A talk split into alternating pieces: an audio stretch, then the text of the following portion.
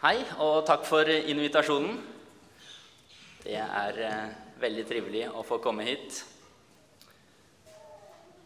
Som det er sagt, så er jo jeg leder for Delkung. Og det driver jo litt med det. Likevel så opplever jeg sjøl at når jeg er her, så er jeg mest teologistudent. Det er god praksis å få komme rundt og tale veldig, veldig kjekt å kunne formidle det som jeg faktisk studerer. Det setter jeg stor pris på. Nå for tida så lærer jeg meg å lese hebraisk, som Det gamle testamentet er skrevet på. Det trives jeg veldig godt med. Det er ikke alle på studiet som er like glad i språkfaga, så jeg blir liksom litt han nerden da, som faktisk liker det. Men jeg liker veldig godt å komme veldig tett på tekstene og virkelig grunne på hvert eneste ord som står der. Det, det syns jeg er virkelig en stor berikelse. Og så har jeg et annet fag som heter misjon i kontekst. Det handler altså om hvordan kan vi kontekstualisere evangeliet for forskjellige folkeslag. Det er jo ikke alle som har de samme forutsetningene for å forstå ting sånn som vi har her i Norge. Og så det et veldig spennende fag. Så har jeg fått lov til å jobbe nå med en veldig kjent tekst. Det har eh, nesten vært en eh, utfordring å finne ut Oi, hva kan jeg si om denne veldig kjente teksten her? Og den er eh, ganske lang. Vi skal lese mye i dag. Så jeg tenker jeg skal prøve å lese med litt eh, innlevelse. Og så kan dere se for dere de bildene. Prøv å se for dere åssen det så ut, hvordan eh, lufta lukta, hvordan det var å leve på Jesu tid. Og vi leser i Jesu navn. Jesus sa, en mann hadde to sønner. Den yngste sa til faren, Far, gir meg den delen av formuen som faller på meg. Han skiftet da sin eiendom mellom dem. Ikke mange dager etter solgte den yngste sønnen alt sitt og dro til et land langt borte. Der sløste han bort formuen sin i et vilt liv. Men da han hadde satt alt over styr, kom det en svær hungersnød over landet, og han begynte å lide nød. Da gikk han og søkte tilhold hos en av innbyggerne der i landet. Og mannen sendte ham ut på markene sine for å passe grisene. Han ønsket bare å få mette seg med de belgfruktene som grisene åt, og ingen ga han noe. Da kom han til seg selv og sa, Hvor mange leiekarer hjemme hos min far har ikke mat i overflod? Mens jeg går her og sulter i hjel. Jeg vil bryte opp og gå til min far og si, Far, jeg har syndet mot himmelen og mot deg. Jeg fortjener ikke lenger å være sønnen din, men la meg få være som en av leiekarene dine. Dermed brøt han opp og dro hjem til faren. Da han ennå var langt borte, fikk faren se ham og han fikk inderlig medfølelse med ham. Han løp sønnen i møte og kastet seg om halsen på ham og kysset ham. Sønnen sa, 'Far, jeg har syndet mot himmelen og mot deg.' 'Jeg fortjener ikke lenger å være sønnen din.' Men faren sa til tjenerne sine, 'Skynd dere, finn fram de fineste klærne og ta dem på ham.' 'Gi ham ring på fingeren og sko på føttene.' Og hent gjøkalven og slakt den, så vil vi spise og holde fest. For denne sønnen min var død og er blitt levende. Han var kommet bort og er funnet igjen. Og så begynte festen og gleden. Imens var den eldste sønnen ute på markene. Da han gikk hjemover og nærmet seg gården, hørte han spill og dans. Han ropte på en av karene og spurte hva som var på ferde. 'Din bror er kommet hjem', sa han, Og din far har slaktet gjøkalven fordi han har fått ham tilbake i god behold. Da ble han sint og ville ikke gå inn. Faren kom ut og prøvde å overtale ham. Men han svarte faren, 'Her har jeg tjent deg i alle år, og aldri har jeg gjort imot ditt bud.' 'Men meg har du ikke gitt engang et kje, så jeg kunne holde fest med vennene mine.' 'Men straks denne sønnen din kommer hjem, han som har sløst bort pengene dine sammen med horer, da slakter du gjøkalven for ham.' Faren sa til ham, 'Barnet mitt, du er alltid hos meg, og alt mitt er ditt.' Men nå må vi holde fest og være glade, for denne broren din var død og er blitt levende. Han var kommet bort og er blitt funnet igjen. Slik lyder Herrens ord. Jeg er glad i høsten, tro det eller ei. Jeg synes eh, det er flott når lufta blir friskere og fargene ute blir sterkere. Og så syns jeg det er litt koselig etter å ha gått i lette klær hele sommeren å kunne pakke seg inn i litt gode, varme klær igjen. Så hjemme i stua i går så satt jeg og så ut vinduet, og da så jeg på løvene som falt fra trærne. De fire siste løvbladene falt fra den eh, lille morellbuska som pappa har planta. Og på en måte så minna det her meg om den bortkomne sønnen. Trærne, som har hatt rikelig med blader, de mister nå sin pryd. Og til slutt er det ingenting igjen. De står helt nakne når vinteren kommer. Men det er jo naturens gang. Og de veit at når våren kommer, så får de nye blader. Den bortkomne sønnen, derimot, han hadde brukt opp denne rikdommen han hadde fått tildelt. Det var ingen ny rikdom i vente. Nei, egentlig så hadde han noe ganske mye verre i vente. For de som hørte på denne lignelsen, det var både tollere og syndere og det var fariseere og skriftlærde. Og for eh, alle disse så var det nok ganske annerledes å høre denne fortellingen. Vi her vi er jo blitt vant til å høre den og nikker med og syns det er en veldig fin fortelling og syns det gir mening, det som skjer. Men gir det egentlig mening? Altså, En sønn kan jo ikke bare komme og be om arven sin på forhånd mens faren var død. Det er jo en kjempekrenkelse mot faren. Det var et opprør å si at faren var som død. Nei, det var en skam for denne mannen som hadde en sånn sønn. Og ifølge Moseloven så skulle denne sønnen straffes ganske hardt. I så fall så er det jo faren som skulle regna sønnen sin for død ikke motsatt. Men det skjer ikke i Jesu lignelse. Faren gjør som gutten sier, og han tillater at opprøret skjer. Uhørt for eh, en jøde. Det står også en del eh, ordspråk i Bibelen som eh, kanskje kan passe godt til denne lignelsen. I ordspråkene 1311 står det Lettvunnet rikdom minker fort.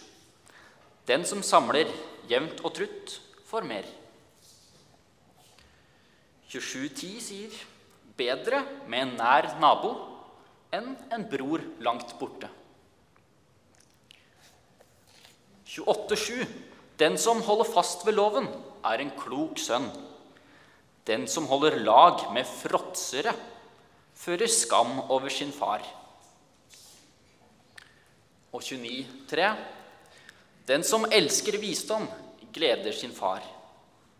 Den som har omgang med horer, sløser bort det han eier.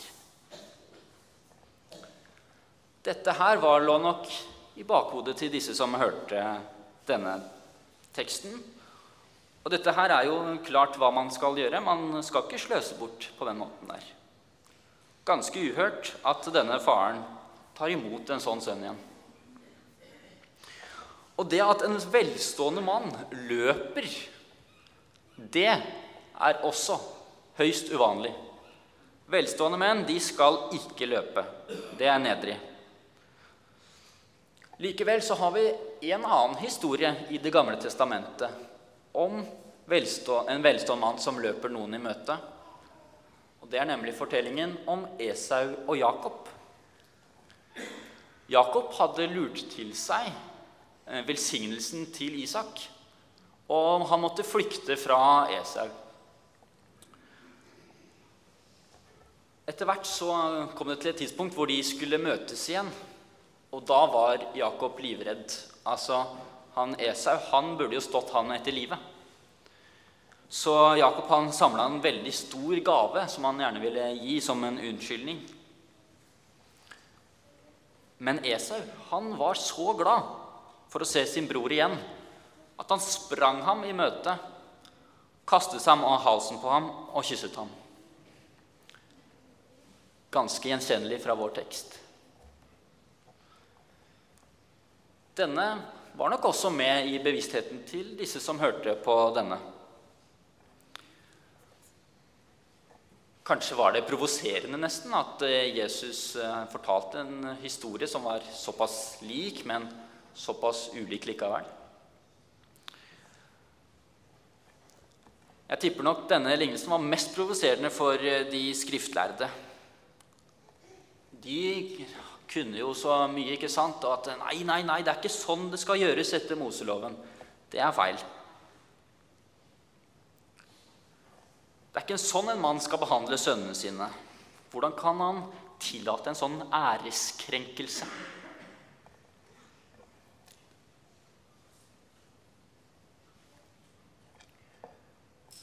Hvem er egentlig hovedpersonen i lignelsen som Jesus forteller? Vi har jo gitt eh, noen eh, navn på denne lignelsen. Den bortkomne sønnen kaller vi den ofte. Eller på engelsk 'the prodigal son' betyr 'den sløsende sønnen'. Eller i denne bibelen så sto det 'sønnen som kom hjem'. Men det er jo også en sønn som var igjen. Han eh, var førstefødt og fikk to tredjedeler av arven. Og han fikk en tredjedel av lignelsen. Så den må jo handle om han også. Kunne vi kalt den lignelsen om de to sønnene? Ja, Det har vi faktisk en annen lignelse som heter. Den handler om to sønner som eh, får beskjed om å gjøre noe av sin far. Den ene sier at eh, han skal gjøre det, men gjør det ikke. Den andre sier at han ikke skal gjøre det, men gjør det likevel. Så spør Jesus hvem var det som da gjorde farens vilje. Så kanskje den tittelen er opptatt. Men hovedpersonen er jo ikke sønnene. Det er jo faren som er hovedpersonen i denne lignelsen. Denne lignelsen handler ikke om hvem av sønnene som gjorde rett, men heller om den store nåden som faren viste dem begge to. For begge sønnene var bortkomne på forskjellige måter. Ingen av dem ønsket egentlig et forhold til faren. Det ser vi jo tydeligst hos den yngste, som velger å ta med seg arven og reise langt bort. Men den eldste han viser det jo når han murrer og sier at han ikke engang har fått et kje for å glede seg med vennene sine. Han har jo ikke lyst til å glede seg sammen med sin far. Det, det er jo ikke noe vits. Det er ikke noe gøy. Han er mer opptatt av det faren kan gi ham, enn å leve sammen med sin far. I det ytre så jo alt fint ut. Han var jo der og gjorde tjenesten. Men på innsiden var han likevel i et land langt borte. Begge sønnene får et møte med faren og et fornyet forhold til ham. Den yngste forventet straff og fordømmelse, men fant nåde. Den eldste han var misunnelig og følte seg ikke satt pris på. Men faren åpnet øynene på ham, så han kunne se de velsignelsene han faktisk hadde.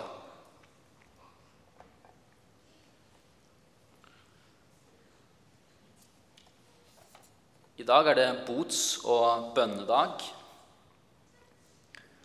Bot det er kanskje noe vi har et litt anstrengt forhold til. Har vi en rett anger? Tenker vi på reformasjonstiden, så handla jo bot mye om hva, hva kunne vi gjøre opp for de syndene vi har gjort. I morgen er det jo reformasjonsdagen. Men hva lærer vi egentlig av dagens tekst? Hvem var det som var denne hovedpersonen igjen? Det var ikke sønnenes rette bot og anger som var poenget. Nei, hovedpoengpersonen var jo faren. Slik skal vi også se boten. Det handler ikke om at vi ser inn i oss selv og henter fram fromheten vår. Nei, det handler jo om å rette blikket mot far, han som er så barmhjertig. Det er hos ham vi hører hjemme. Både rettferdige og urettferdige hører hjemme hos Gud. Bot, det er å komme til seg selv og legge seg i vår fars favn. Der er vi skapt til å være. Og det å vende seg om fra syndene våre og vende seg til Gud, det er noe vi kalles til å gjøre hver dag. Det er jo rett ut fra katekisma. Den gamle Adam i oss skal druknes ved daglig anger og bot. Det sier Luther om dåpen.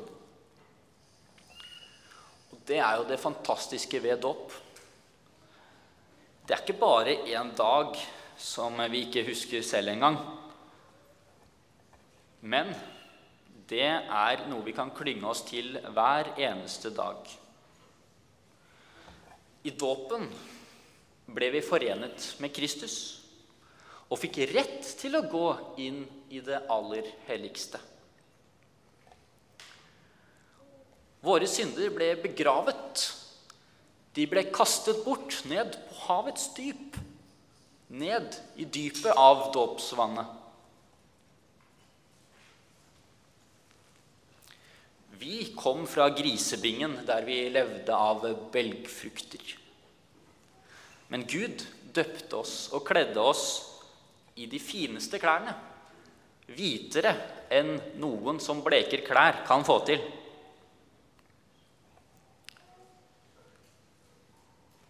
Og Gud han vil holde festmåltid med oss. Å be om tilgivelse for våre synder, det er noe av det vakreste vi kan gjøre. Det er den største ære som vi kan gi Jesus. Hvorfor det? Jo, for han døde nettopp for å kjøpe oss tilgivelsen. Å komme til korset med sine synder det er å ære Kristi offer. Og der synden er stor, der er nåden større. Gud lengter etter å tilgi våre synder. Han lengter etter å ha fellesskap med deg og med meg. Da blir denne lignelsen et bilde på hele menneskets historie. Adam han levde livet i teltet med Gud, i Edens hage. Men så gjorde han opprør mot Gud og ville bestemme selv.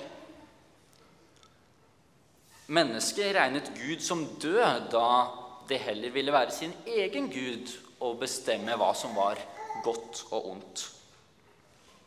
Men Gud hadde sagt at den dagen du spiser av treet, da skal du virkelig dø. Men Adam fikk jo leve videre. Akkurat som sønnen fikk arven som han ba om. Men nå var menneskene åndelig døde. Likevel er Gud nådig, og han vil ingen synders dom og død. Nei, han steg ned for å sone dommen selv. Så roper han på oss om å komme tilbake inn i livet. Og Den hellige ånd opplyser oss, så vi kommer til oss selv og ser det opprøret som vi har gjort mot Gud. Så vi, får vi komme inn i den varme nåden bli kledd i Kristus, få en paktsring på fingeren som løfter på at Gud har tilgitt oss. Vi kan gå frimodig inn til livet på grunn av Jesu blod.